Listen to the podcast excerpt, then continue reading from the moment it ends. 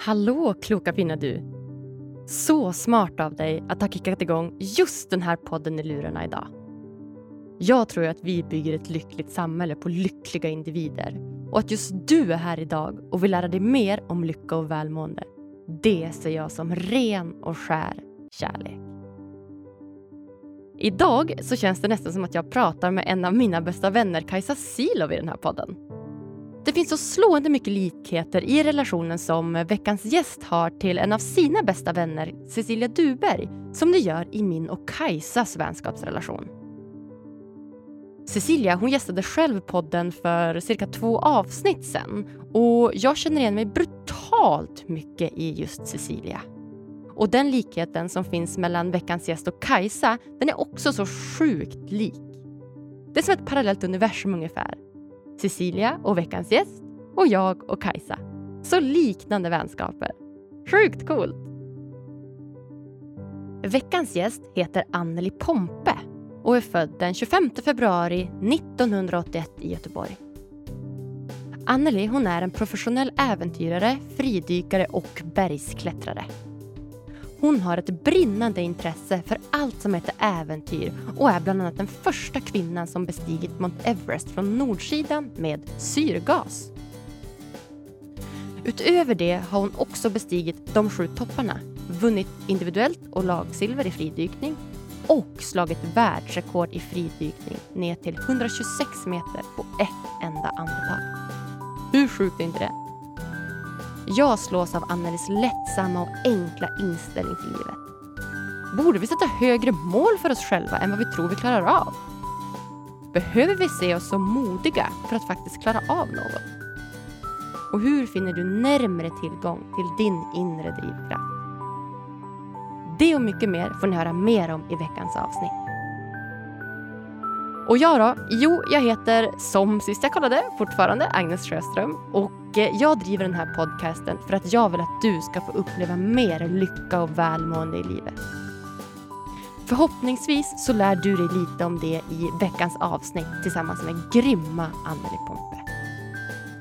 Lyckopodden den är till för dig som generellt sett mår ganska bra men som med hjälp av små enkla medel vill uppnå ännu mer lycka och välmående i livet.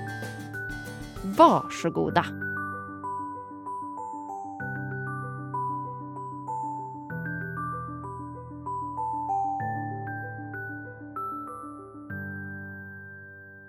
Alright, då är jag superglad att få säga hej och välkommen till Lyckopodden Anneli Pompe! Ja, tack så mycket. Vilket fint gäng människor du har intervjuat. Jag har också lyssnat på några av dem, så jag är jätteglad att få vara med. Ja, vad kul att du... Jag hörde Sara hade lyssnat lite. Jag blir så, så glad att du faktiskt har ja, hört på några avsnitt. Det värmer i poddhjärtat. Ja, men det är klart. Det är ju superroligt ämne och eh, det finns väldigt mycket spännande att prata om, tänker jag. Och du har ju fått med en ganska bred skara att prata med. Ja. Så att man får liksom många olika input på lyckoämnet. Så det är jättespännande tycker jag. Ja, vad kul! Ja, men verkligen. Det börjar bli en bredd på gänget här som har varit med. Det Liksom inte, förut hade jag liksom att jag bara ville intervjua med så professorer och experter experter. Liksom, för jag kommer verkligen från den akademiska världen så med mycket så här, vetenskapliga grunder till att det är liksom allt ifrån så här, andlighet till präster och till erfarenheter och nära döden-upplevelser och nu till äventyr helt plötsligt. ja, det är verkligen mycket bredd. Ja, verkligen. Men det är nog bra för att jag tänker att just lycka som ämne är väldigt brett också så att det förtjänar nog att ha lite olika input så att alla kan känna igen sig som lyssnar på något sätt. Ja, ja men exakt så det finns något för alla ändå. Mm. Ja, jag måste nästan, eh, du måste nästan berätta vart du sitter, Anneli. Det ser så härligt ut när jag ser dig på skärmen. Ja, jag sitter på en av mina absoluta favoritplatser i hela världen. Eh, och det är min lilla husbåt som ligger på västkusten. Och eh, jag köpte den på Blocket, har inrett den och eh, renoverat den helt själv. Så den är precis som jag vill ha den. Oh. Och man liksom vaknar till vågklucket och lite fiskmåsar kanske man hör här i bakgrunden och så. Så att det, det är ljuvligt att vara, även på vintern faktiskt. Ja, oh, wow, alltså det är så himla inspirerande. Jag sa ju det till dig innan här att nu, nu är det dags att ta tag i min stora dröm och det är ju att bo i en van. Det vill jag Ja, men det är inget att tveka på. Det är Nej, bara att göra. Det är bara att göra, eller hur? Jag tänker Och det är så här, apropå eh, som, som lycka, att jag tror att det är så viktigt att ha en plats där man verkligen trivs, där man kan återhämta sig och sådär, för att annars så orkar man inte vara lycklig. Nej, nej. nej men alltså helt sant. Och Mm.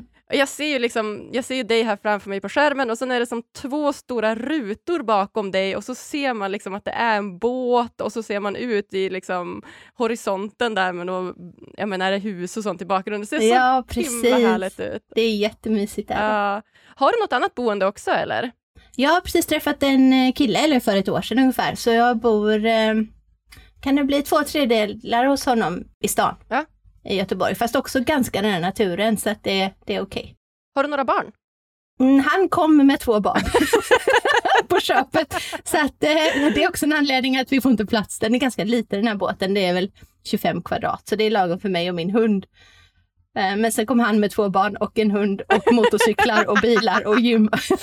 Det är långt ifrån att få plats. Jag, eh, Jag bor här när han är på jobb. Ja, vad fint. Vad har du för hund? Det är en spansk vattenhund. Han heter Douglas. Han har precis varit ute och rastat så nu ligger han här vid mina fötter. Och... Åh, vila lite. Och vad fint. Se till om han blir pigg sen. Då hade jag gärna velat att han eh, kommer Ja, fram och han säger hoppar hej. säkert upp här och säger hej. snart. Ja, vad fint. Mm. Ja, härligt. Kul Anneli! Kan du gissa vad jag gjorde här då, precis innan jag pratade med dig? Eh, Jag hoppas att du andades. Det är och för sig väldigt, väldigt rätt. Ja. Vad gjorde du mer? Ja, jag träffade en av dina bästa vänner faktiskt. Nej, vad kul. Vem är det? Ja, det Eller vilken av dem? Ja, vilken av dem exakt? Det är ju Cecilia Duberg från. Lejonagendan. Ja, hon är fantastisk. Ja, alltså Mm. wow, vilket samtal vi hade precis Ja, här innan. hos dig höll jag på att säga. Ja. Men det är alltid kul att prata med Cecilia för att dels är vi ju bästa vänner så Mm. vi följer såklart varandras liv men hon sitter på så otroligt mycket kunskap och hon lär sig nytt hela tiden. Så att jag lär mig alltid någonting när jag är med Cecilia. Ja. Och vi håller ju tysta retreat ihop, det berättar hon säkert. Och jag lyssnar på Cecilia ja, men säkert 20 gånger. Men jag lär mig alltid något nytt. Ja, Ja, wow, så det alltså. är jätteroligt. Jag snackar om kunskapsbank. Alltså, Ja, så, verkligen. alltså, så, det blev ett fantastiskt avsnitt. Och, Ja, det ska jag lyssna på. Ja, vad kul! Vad roligt! Ja, och när jag sa till henne också, "Va, jag ska prata med Anneli sen, hon bara ba, du måste hälsa. Så, att, Åh, eh, vad roligt. ja, så här kom en liten hälsning. Och hon, först, hon var ju här i Stockholm, hon bara va, är hon här? Jag bara nej, nej, hon är, det är Ja. på distans då. Men, eh, Ja. Ja, men hon hälsar så hjärtligt. ja, det hade varit en rolig överraskning. Ja, verkligen.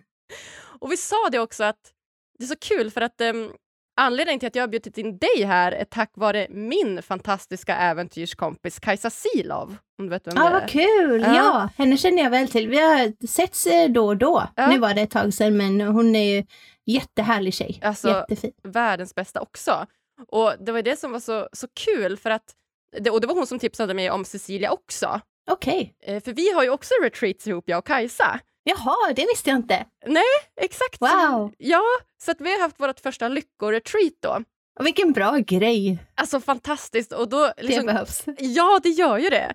Och då kombinerar vi då liksom hennes eh, äventyrskunskap och hon har också gjort så himla många olika typer av äventyr och, och så med liksom med min bakgrund som ja, men med lyckokunskap och liksom välmående och så, så gör vi ett retreat då med äventyr kopplat till lycka.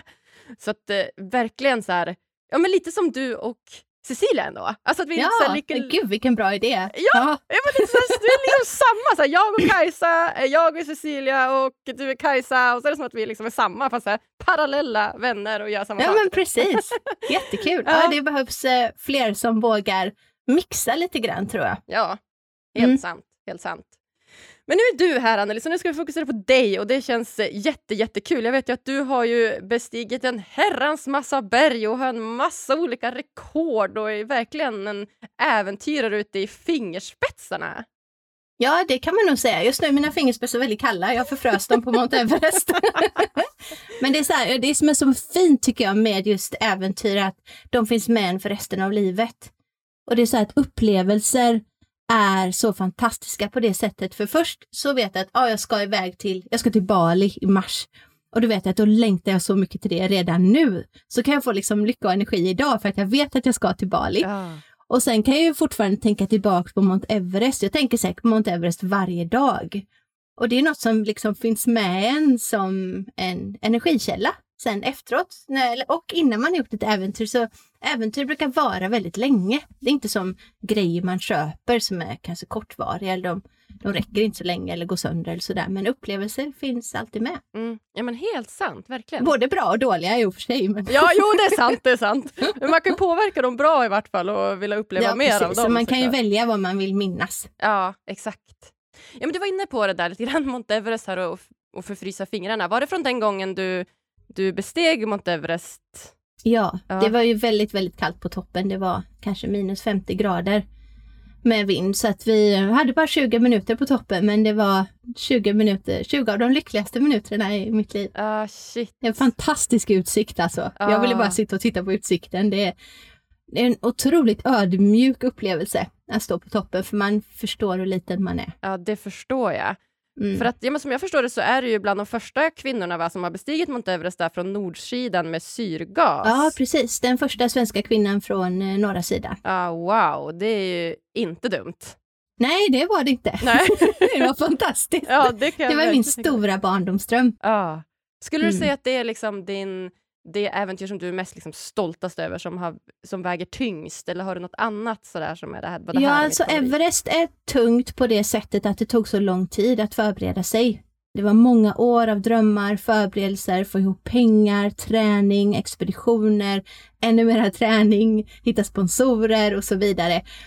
Och sen att, ja, det var ju väldigt tufft att vara där, men när man väl är på Everest så gäller det bara att du har tur med vädret och att du är tillräckligt förberedd. Så det är liksom, det kan du ju kontrollera ganska mycket. Och det är väldigt fysiskt.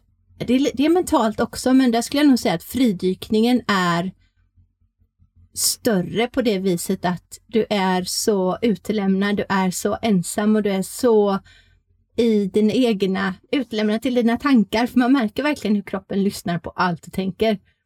Och det påverkar dig otroligt mycket.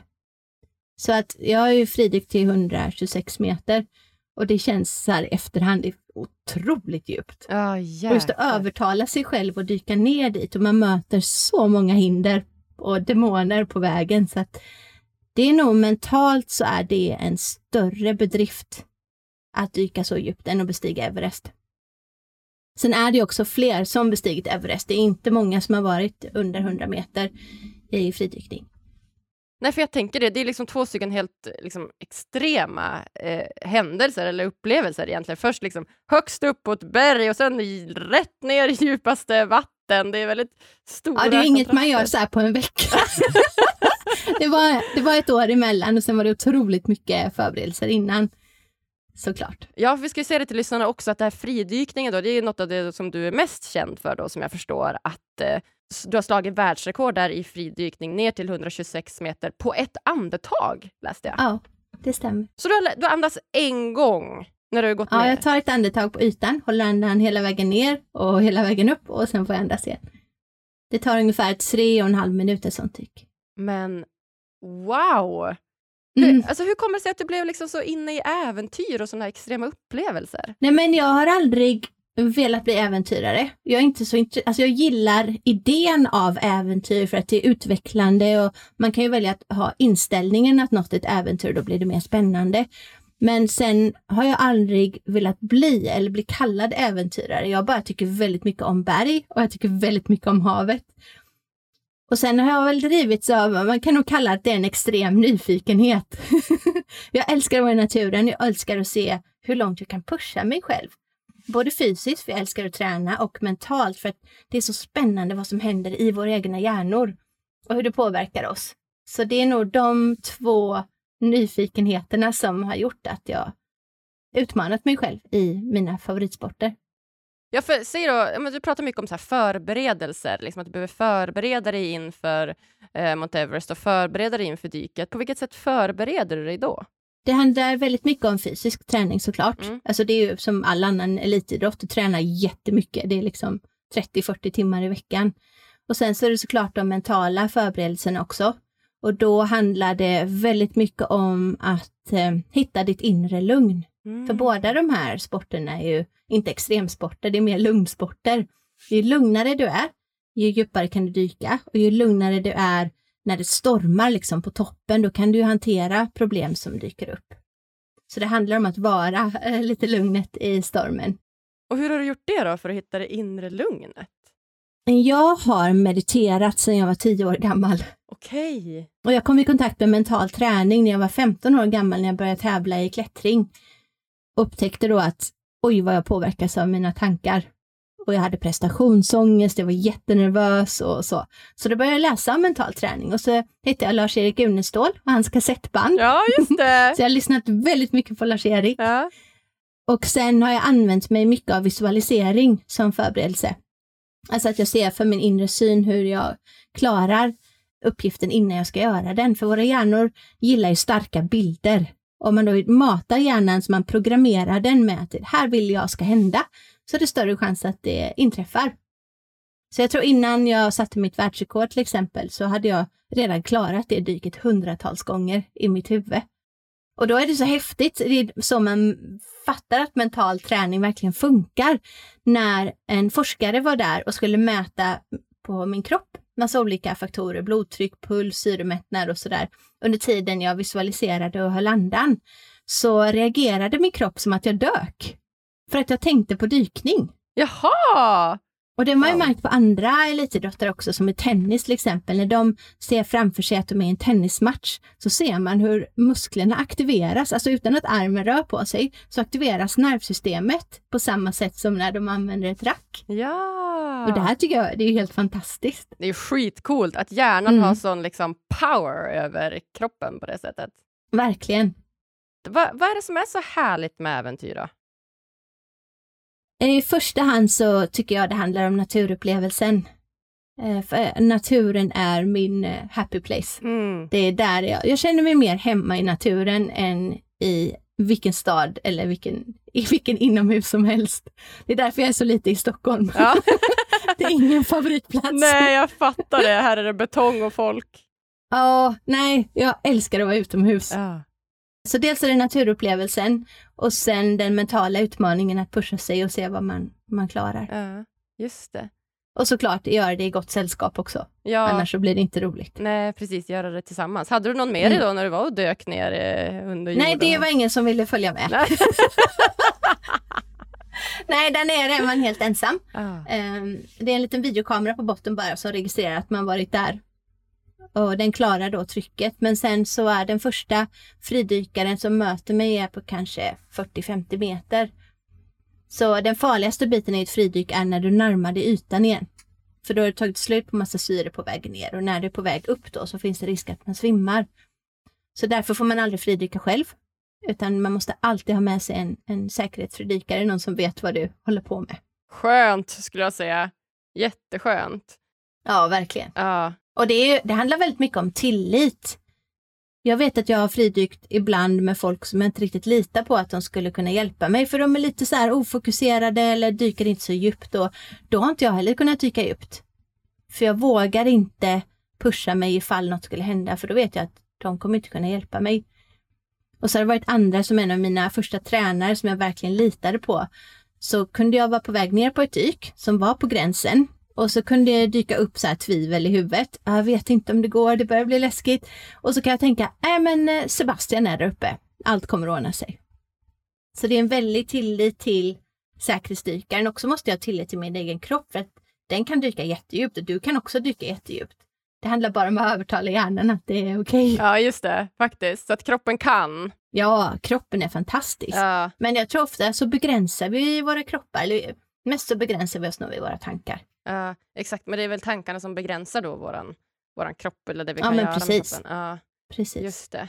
Det känns som att det finns någon röd tråd här som du säger, att så här, men det är någonstans där i tanken som här kan spela oss ett, ett litet spratt då och säga vad vi inte klarar, men att det är faktiskt fysiskt möjligt, men att tanken kommer att bara nej, det här och det här och det här gör att vi inte kommer klara det här. Ja men precis. Och att eh, ibland, framförallt, eller värst tror jag de tankarna är, som vi inte är riktigt medvetna om.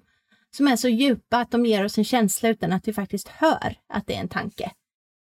Cecilia brukar säga det väldigt bra. Hon brukar säga att det är dina tankar som påverkar hur det känns att vara du. Just det.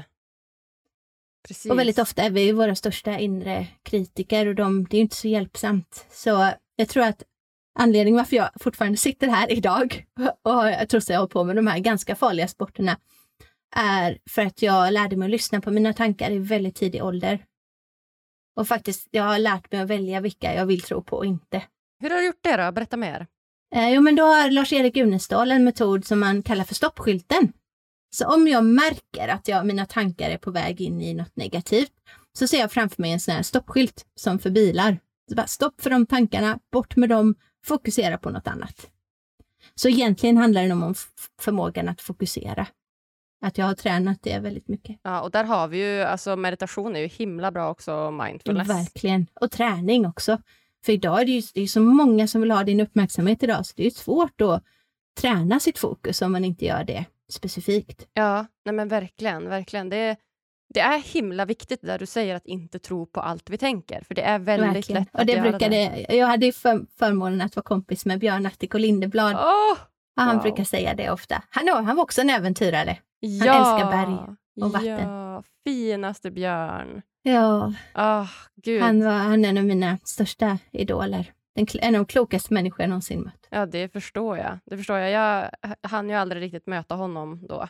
Men eh, han verkar vara helt, helt magisk och han betyder ändå liksom jätte, jätte, jättemycket för mig. Trots att jag inte ens har träffat honom så är han en... Mm. Nej, det, det är fint att han får leva kvar på det sättet. Ja, verkligen. Det är kul. Ja. Vart kommer då dina liksom, drivkrafter ifrån till att bestiga berg och liknande, skulle du säga? Ja, men de är lite mystiska. Förutom den här eh, nyfikenheten så det är inte så att jag sätter mig ner och börjar så fundera, oh, vad är nästa äventyr och börjar leta i böcker eller googla eller så, utan de bara dyker upp. Och då kan det handla om att till exempel jag eh, jobbar som bergsguide i Nepal. Jag har med en, en vandringsgrupp till Everest Base Camp. Och så finns det ett berg som jag alltid haft ett gott öga till och det där berget har liksom kallat på mig. Och sen när jag såg det så insåg jag att nej, nu är det dags. Nu ska jag bestiga Amada Blam som är ett otroligt vackert berg. Och det gjorde vi eh, precis innan pandemin. Det var en fantastisk upplevelse. Och så på vägen ner så skulle vi flyga helikoptern den sista biten ut för två av oss hade knäproblem. Och då så satt jag och pratade med helikopterpiloten och så berättade jag för honom att det är faktiskt en barndomsdröm att få flyga helikopter. Och han undrar om jag vill prova att styra helikoptern. Jag bara, ja det vill jag. så då fick jag prova att styra helikoptern. Och då dök det upp igen och det tror jag att det är som en inre, kommer från djupet, en sån här röst som du inte kan, du kan inte låta den vara. Har du en gång hört den så kan du liksom inte ohöra den, eh, eller vad man säger. Och då var det den här inre delen av mig som sa, jag vill bli helikopterpilot. Oj! Och då sa jag, ja, men jag ska bli helikopterpilot. Wow! Mm. Så då när jag kom ner så började jag googla. Hur blir man helikopterpilot? är du det nu då? Nu är jag helikopterpilot. Nej! År, tre år senare. Mm. Wow! Gud vad coolt! Grattis! att, ja, det är så de här drivkrafterna, de, de har funnits länge och sen så är det plötsligt dags. Precis som att bo i en husbåt, så här, men vill väldigt gärna bo nära naturen. Och sen hade jag inte riktigt ro. Jag reste väldigt, väldigt mycket så att det var liksom inte läge att ha en fast plats. Nu är inte det här en fast plats eftersom den rör på sig, men ändå. Så plötsligt så var det, var det bara läge. Så jag tror det handlar om att eh, lyssna, fast man lyssnar på ett lite annat sätt. Um, och det, du, visst har du också varit på tyst retreat? Ja, ja exakt, det har jag varit. Det, det handlar ju inte om att vara tyst, det handlar om att lyssna. Ja, faktiskt. På ett annat sätt. Och jag tror att det kanske det man kan göra också när man letar efter mål eller drömmar eller drivkrafter. Att man lyssnar, fast inte på det som en lång radda tankar, man försöker komma fram till en slutsats, utan mer jag känner det som att motivation och drivkraft kommer härifrån bröstet, magen någonstans. Min drivkraft kommer liksom inte från hjärnan. Hur känner du som är mer akademisk akademisk forskningslagd? Vad är din drivkraft? Ja, nej men exakt. Alltså, drivkraft, nej men det, jag skulle säga samma sak. Alltså, jag skulle verkligen säga att det kommer alltså, inifrån. Alltså från, kalla det intuition, kalla det själen, hjärtat, kroppen eh, på ett annat sätt. Och jag håller med dig om att det krävs att man lyssnar mer, att man liksom på något sätt skalar av allt brus. Alltså eh, alla yttre liksom externa faktorer som kommer till dig som liksom, människor som pratar till dig och bilar som hörs och eh, saker du måste och borde och liksom vardagsgrejer. Att jag upplever att när du skalar av mer och mer och mer av det, då Mm, det har jag. du rätt i. Ja, Ja. bra där. Ja. Det, det låter rätt. Det låter rätt. Ja. Ja. Och det är kanske därför det, jag uppfattar det som att det är så skönt att vara i naturen, för då har man skalat av. Liksom, vi är back to basics, det är därifrån vi kom. Och just när man går, när man gör, när man andas, det, de flesta tänker ju bättre när de går och inte blir störda av en mobiltelefon eller lyssnar på musik eller podd samtidigt. ja, ja, visst. Exakt. Så det gäller att våga möta det. Ja, Då. Exakt. Ja, men exakt eh, tystnaden och att lyssna, som du säger. Det var väl det jag ville koppla till allt så här, eh, för det känns som att, som du säger, att ja, men det är de här drivkrafterna som kommer inifrån och de kommer liksom och de talar till dig och sen plötsligt så känner du liksom att du bara är redo att liksom dras till den här eh, händelsen som du ska göra. Känner du att du har lätt att liksom lyssna på dina drivkrafter? Ja, och det har, det har jag inte haft hela tiden. Jag har såklart tänkt så här som alla andra, att jag måste ha en riktig utbildning och ett riktigt jobb och det ska vara tryggt och trevligt och tråkigt. Ja, blä, blä, blä, blä. Ja, så jag har provat det också. Jag skulle vara systemutvecklare tänkte jag. Det verkar som ett ja, bra yrke. Man kan jobba i projekt och sådär, men jag gillar verkligen inte att sitta inomhus framför en dator. Så att det, det funkar inte. Men jag har provat det och jag tror att man be behöver prova sig fram, för man kan inte läsa sig till eller youtuba sig till allt, utan man måste sätta sig själv i en situation för att liksom känna inåt att ger det här mig energi eller är jag bara trött och uppgiven när jag gör det? För att då ska du nog inte fortsätta med det. Nej, exakt, exakt. Och det var det någonstans jag ville komma till, att som du säger, det känns som att du lever så himla nära naturen och att du har så himla lätt för att liksom lyssna på dina drivkrafter och på ditt inre. Det kan säkert hänga ihop. Jag tror att de hänger ihop. För mig känns det Mm. verkligen tydligt att, att de är faktiskt hänger ihop, att du verkligen har skalat av och att du då sitter och, och har möjlighet att lyssna mer på ditt inre. Ja, det är också en väldigt skön insikt i att jag blir inte lycklig av att ha ett stort hus eller en fin bil eller det senaste modet. Det är ingen lycka whatsoever för mig. Jag blir lycklig av att vara nära naturen med goda människor Mm. och min hund såklart. och och sen behöver jag utmaningar för annars så blir jag lite uttråkad. Ja, ja men exakt. Ja, men det känns ju verkligen som det. Om vi hoppar vidare, då har vi liksom klarat av drivkrafter. Check, då vet vi Ja, hur man liksom uppnår drivkrafter enligt oss då. Ja. Men om vi hoppar vidare till, till utmaningar, för som du säger att ja, men, du lever nära naturen, du lyssnar väldigt mycket på din inre röst, vad du vill, att du vill vara i naturen, bestiga berg. Men det här med liksom, utmaningar kan ju se lite olika ut, för att jag tänker att det kan ju vara en utmaning att eh, springa en halv mil och det kan vara en Absolut. utmaning att så här, bestiga Mount Everest. Ja, och det, är inte, det finns ju ingen utmaning som är lik för två människor, utan det kommer ju vara olika för alla. Och jag tänker att alltid när man gör någonting som är nytt, som man aldrig har gjort förut, då är det en slags utmaning. Eller det har potential att bli ett äventyr i alla fall. och vi växer ju av utmaningar. Men jag tror att utmaningar kan upplevas som obehagliga och obekväma för att det alltid finns en risk att misslyckas. Och jag vet att det är en väldigt stor rädsla idag att misslyckas. Och det är nog en av de värsta rädslor jag har hört talas om. Det är så synd alltså att bli, hålla sig själv tillbaks på grund av den rädslan. Är du aldrig rädd för att misslyckas? Mm, inte så mycket att misslyckas, jag är rädd för att skada mig. Ah, okej. Därför att jag är inte bra på att vara skadad, för då får jag inte göra det jag vill. Nej, just det. Så jag, då blir jag riktigt rastlös eh, när jag är skadad och inte får träna. Men du jobbar ju som föreläsare också, eller hur? Mm. Mm. Jag tänker, för där, en av de största rädslorna vi har i samhället, det är ju att stå på scen för, inför många människor. Det är liksom, ofta så toppar ju listorna över till och med att dö. Så Ja, att jag har läst det också. Ja, Jättekul. Att det är liksom farligare att stå på scen. Ja, Men jag tänker, där är det inte så stor risk för att skada sig, för där står ju egentligen bara upp och ner. Alltså det är ja inte samma om man risk. tar klackskor då kan man skada fötterna. exakt, exakt. En gång jag, ja, jag skulle klättra upp på scen och så hade jag tajtare byxor på mig än vad jag trodde jag hade. Så jag snubblade upp. Det är så här, jag kan bestiga Everest men inte en scen. Nej, det var ganska roligt. Det började liksom med ett asgarv från publiken så att det var det värt. Ja, det var det värt, det förstår jag. Ja. Nej, och sen, jag är inte rädd för att, att prata inför folk. Varför därför inte? Att, Hur eh, kommer det sig liksom? Det är inte så att jag ska stå och redogöra för en, eh, någonting jag har forskat på eller gjort en uppsats om, utan jag berättar ju eh, vad jag har lärt mig och vad jag har varit med om. Och det, det kan inte gå fel.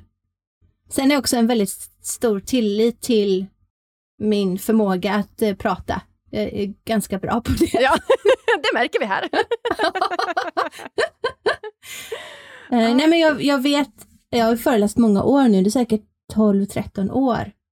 Och det har också gjort att jag har en, en tillit till att det kommer lösa sig och det har ju dykt upp jättemånga problem längs vägen som att tekniken inte funkar, hej du kan inte visa en enda bild eller film.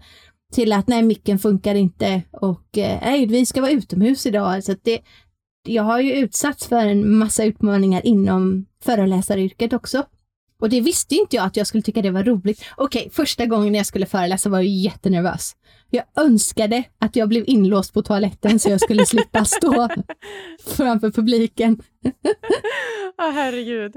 Så jag har ju haft nervositet också, såklart. Ja, såklart. Mm. ja men det jag vill komma till det med utmaningar, det är ju som du säger att det kan vara, en utmaning är ju inget liksom kopplat till liksom, exakt liksom hur, hur stort eller man gör någonting. Liksom. Att som du säger, att springa en halv mil det kan vara lika mycket utmaning som att bestiga Mount Everest.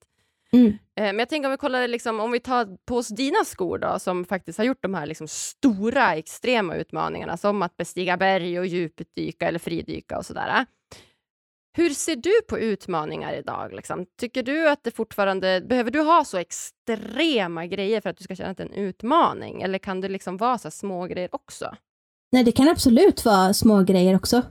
Som jag tog MC-kort för några veckor sedan. Ja. Uh, och det tänkte jag att det, det ska väl inte vara så svårt, men det vart en jätteutmaning, för det är ju svårt. Det fanns eh, tillfällen när jag tänkte att jag kanske inte ska hålla på med det här, det ju, passar inte mig, jag är inte bra på det. Det är farligt och det är lättare att flyga helikopter än att åka MC och så här. jag ramlade massa gånger och ja, men det gick fel, det gick jättemycket fel. Ju svårare en utmaning är, ju gladare blir man när man lyckas. Och det kan vara bra att komma ihåg under tiden när det är som jävligast, att man bara, ja, men jag kommer uppskatta eh, resultatet mer på grund av det här. Och så är det bara borsta av sig och upp igen. Typ. Upp igen, exakt. Gud vad spännande. Hur hanterar du motgångar? Jag brukar släppa dem så fort som jag bara kan. Hur gör du det då? Om, det, om jag ramlar till exempel på motorcykeln så är det bara att snabbt få upp den igen eh, och så sätta mig på den och åka iväg.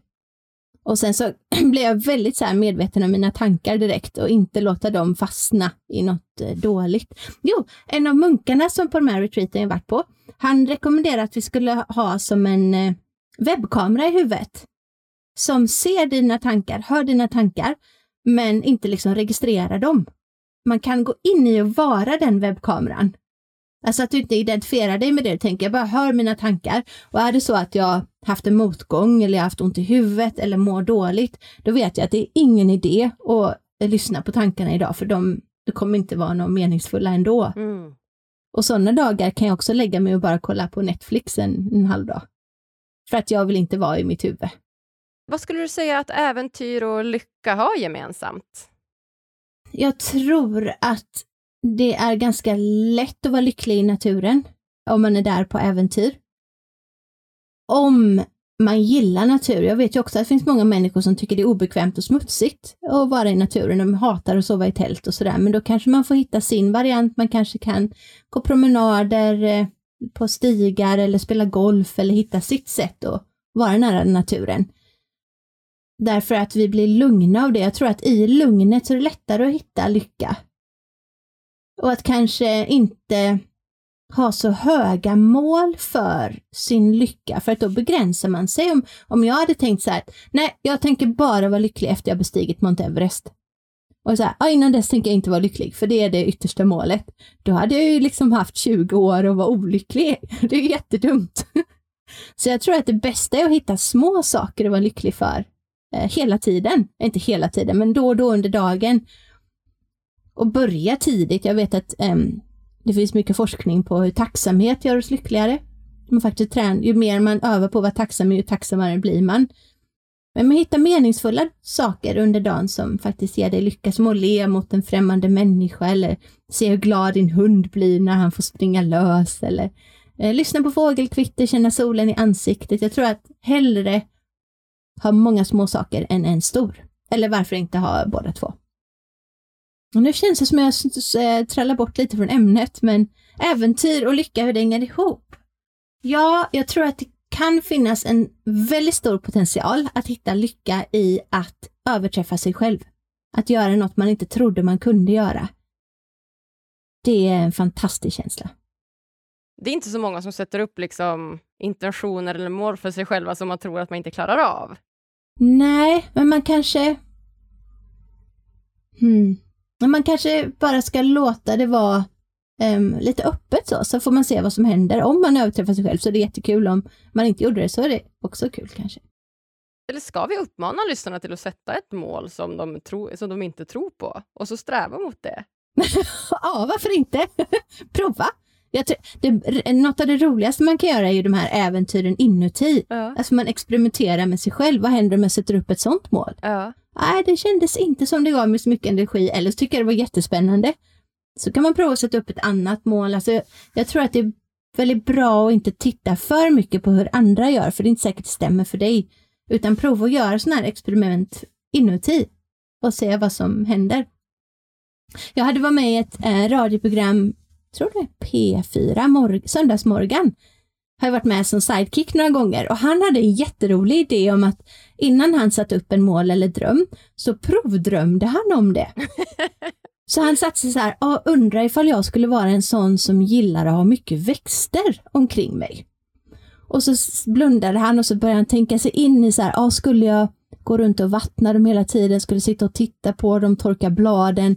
Och så kände han att nej, det vill inte jag lägga min tid på. Jag ska inte ha som mål att ha massa växter. och så provade han så här, ja, skulle jag vilja ha en kattunge? Ja, skulle jag vilja ha en hundvalp? Nej. så han liksom provdrömde sig fram till vad han vill göra. Det är ju jättebra idé också.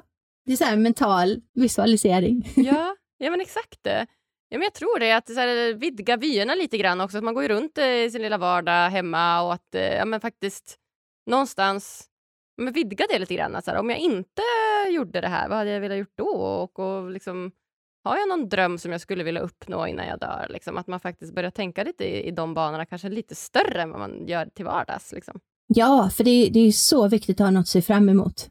Så det är som en kompass, då är det mycket lättare att veta hur, hur, eh, vilka beslut du ska ta och sådär. Ja, men verkligen. Har du något nytt äventyr här framöver som du ska ta dig an? Ja, det är mycket helikopter nu. jag, har, jag behöver fler timmar, så jag kanske ska åka iväg och flyga någonstans och lära mig lite mer.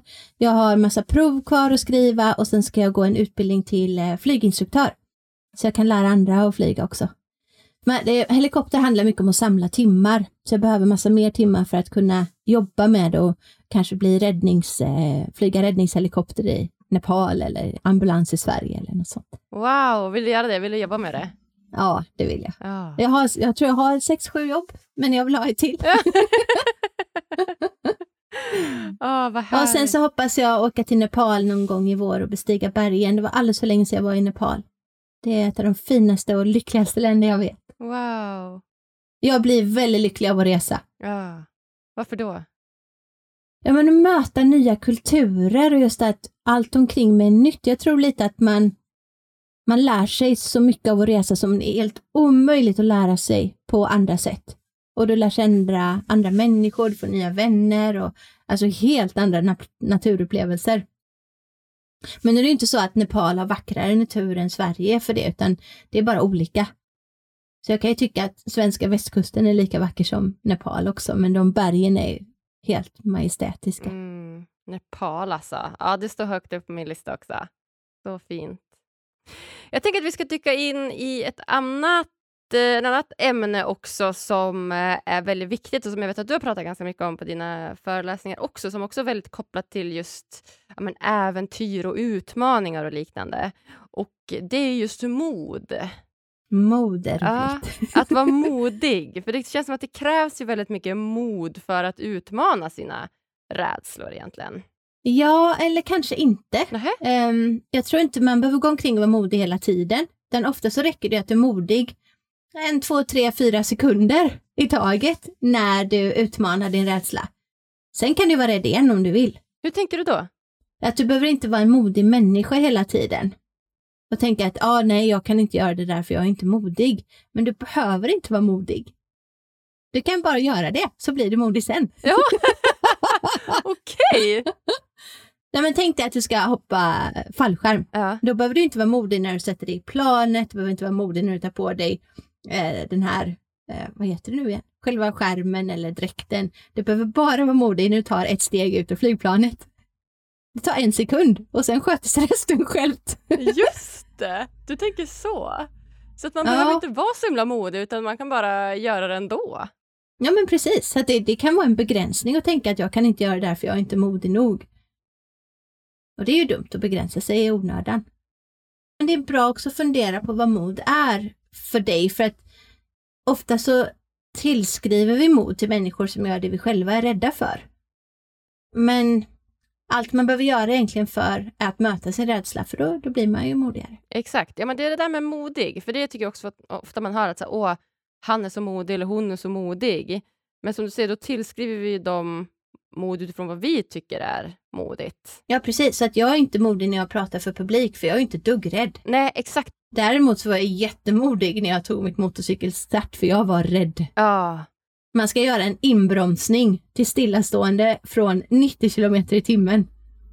Och man är så oskyddad. Ja, det var så läskigt. Jag var jätterädd innan.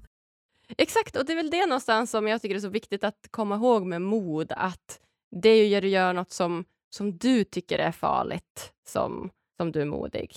Och det räcker med en, en sekund eller två sekunder som det tar att faktiskt göra det du är rädd för. För oftast går man runt och oroar sig innan, som du säger, Det fallskärmen är där. jätteonödigt. Och hur gör vi för att inte göra det då? Ja, men eh, man kan använda visualisering till exempel. Se framför sig att man gör den här utmaningen då utan att bli rädd. Och sen skulle du också kunna eh, träna ditt fokus. Så under tiden du gör din utmaning eller möter din rädsla så tillåter du inte dina tankar att tänka framåt. För vi blir ofta rädda när tankarna hoppar in i framtiden. Så vi bara fokuserar på precis det vi gör just- nu eller har framför oss, om det så är att bara andas. Så jag var, jag var ju jätterädd när jag skulle dyka djupt också. Eh, så det tog mycket mod. Och då hade jag bestämt mig innan så att jag inte ska bli så rädd så jag hoppar av.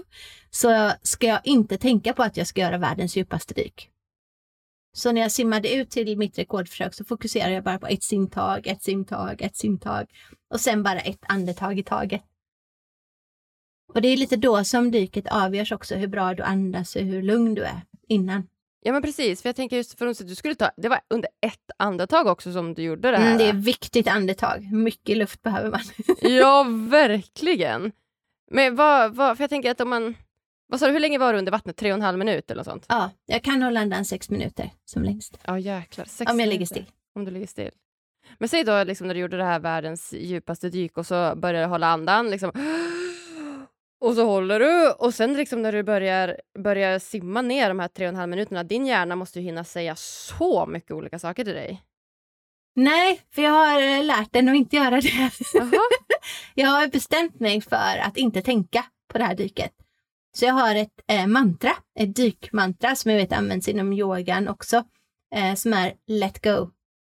Att släppa taget. Så jag släpper taget om allt. Eh, släpper alla tankar, släpper alla spänningar, släpper viljan att andas, släpper viljan att nå botten och verkligen bara tillåter dyket att hända. Så som jag har tränat på det.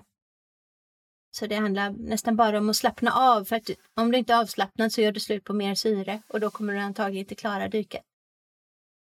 Och sen just i fridykning måste du fokusera på en väldigt viktig teknikdetalj också. Det är din tryckutjämning.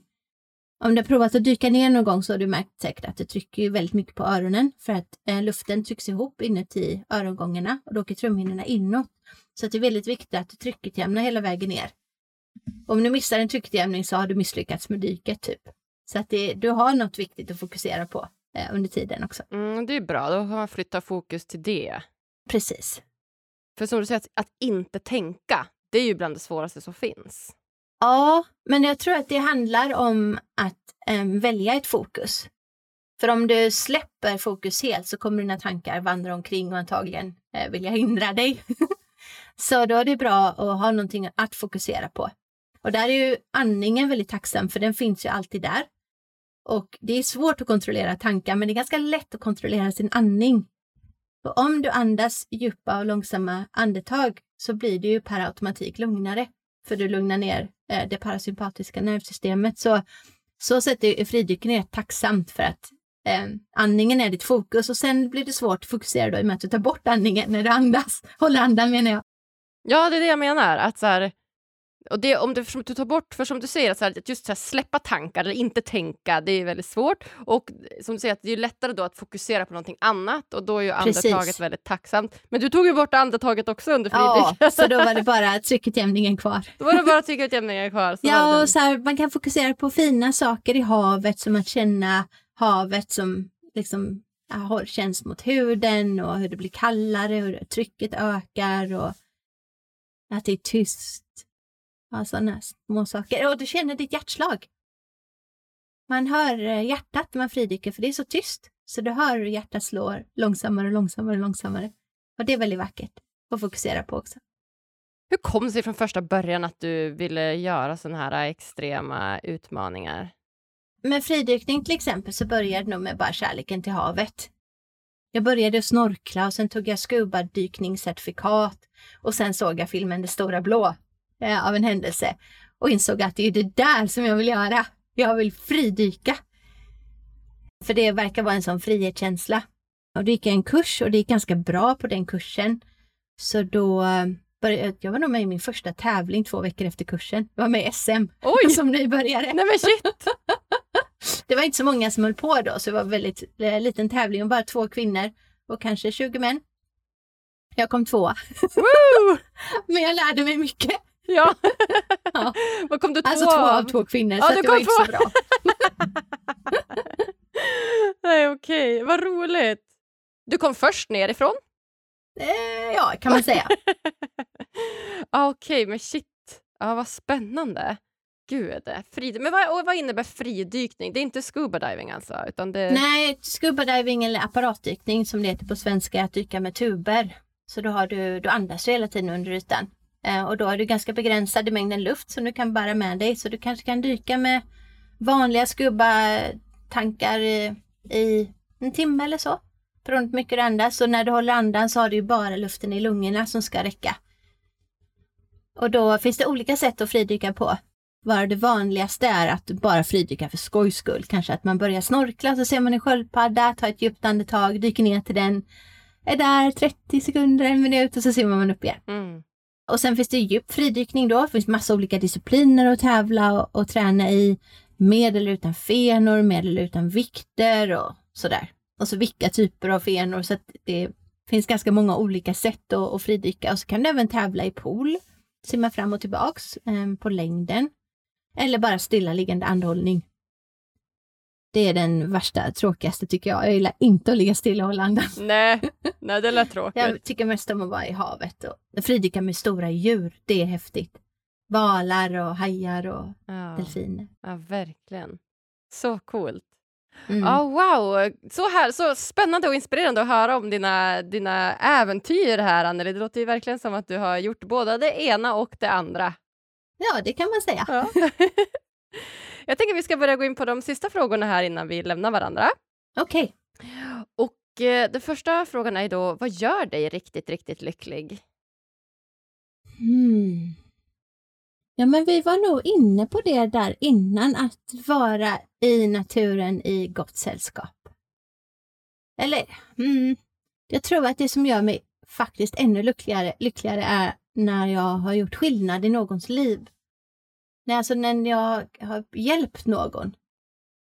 Så det är nog lite de två um, ihop där. Det känns, jag tror att det är något av det mest meningsfulla vi kan göra. Att hjälpa någon annan eller inspirera någon annan. Um, så det är nog en högre form av lycka. Hur brukar du göra det? Hur brukar du hjälpa andra? Ja, men eh, dels genom de här retreaten som jag och Cecilia har.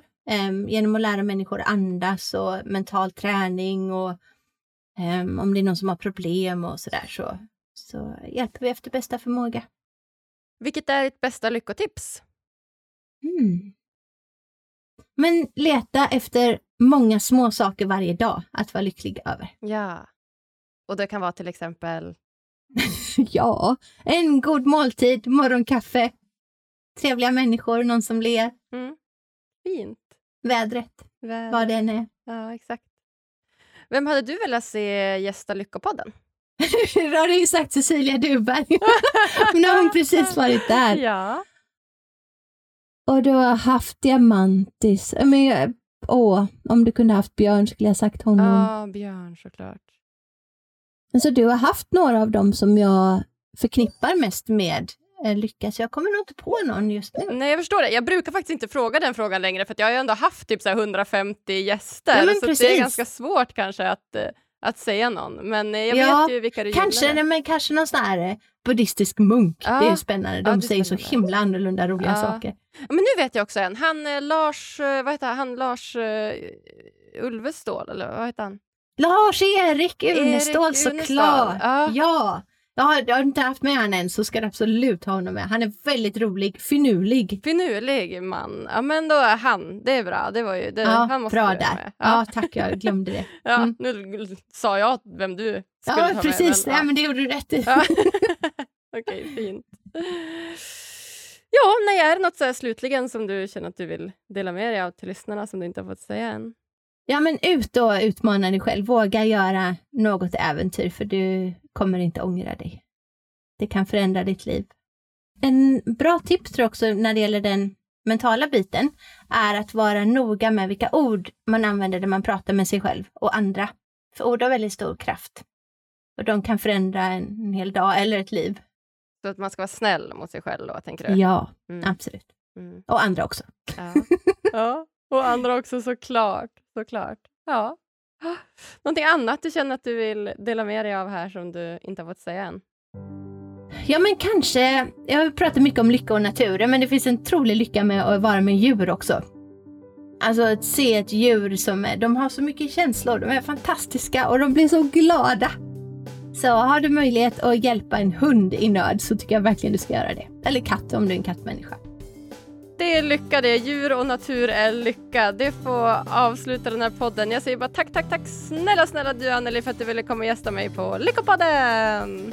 Tack själv, det var jätteroligt. Åh, så härligt avsnitt tillsammans med gulliga, gulliga Anneli.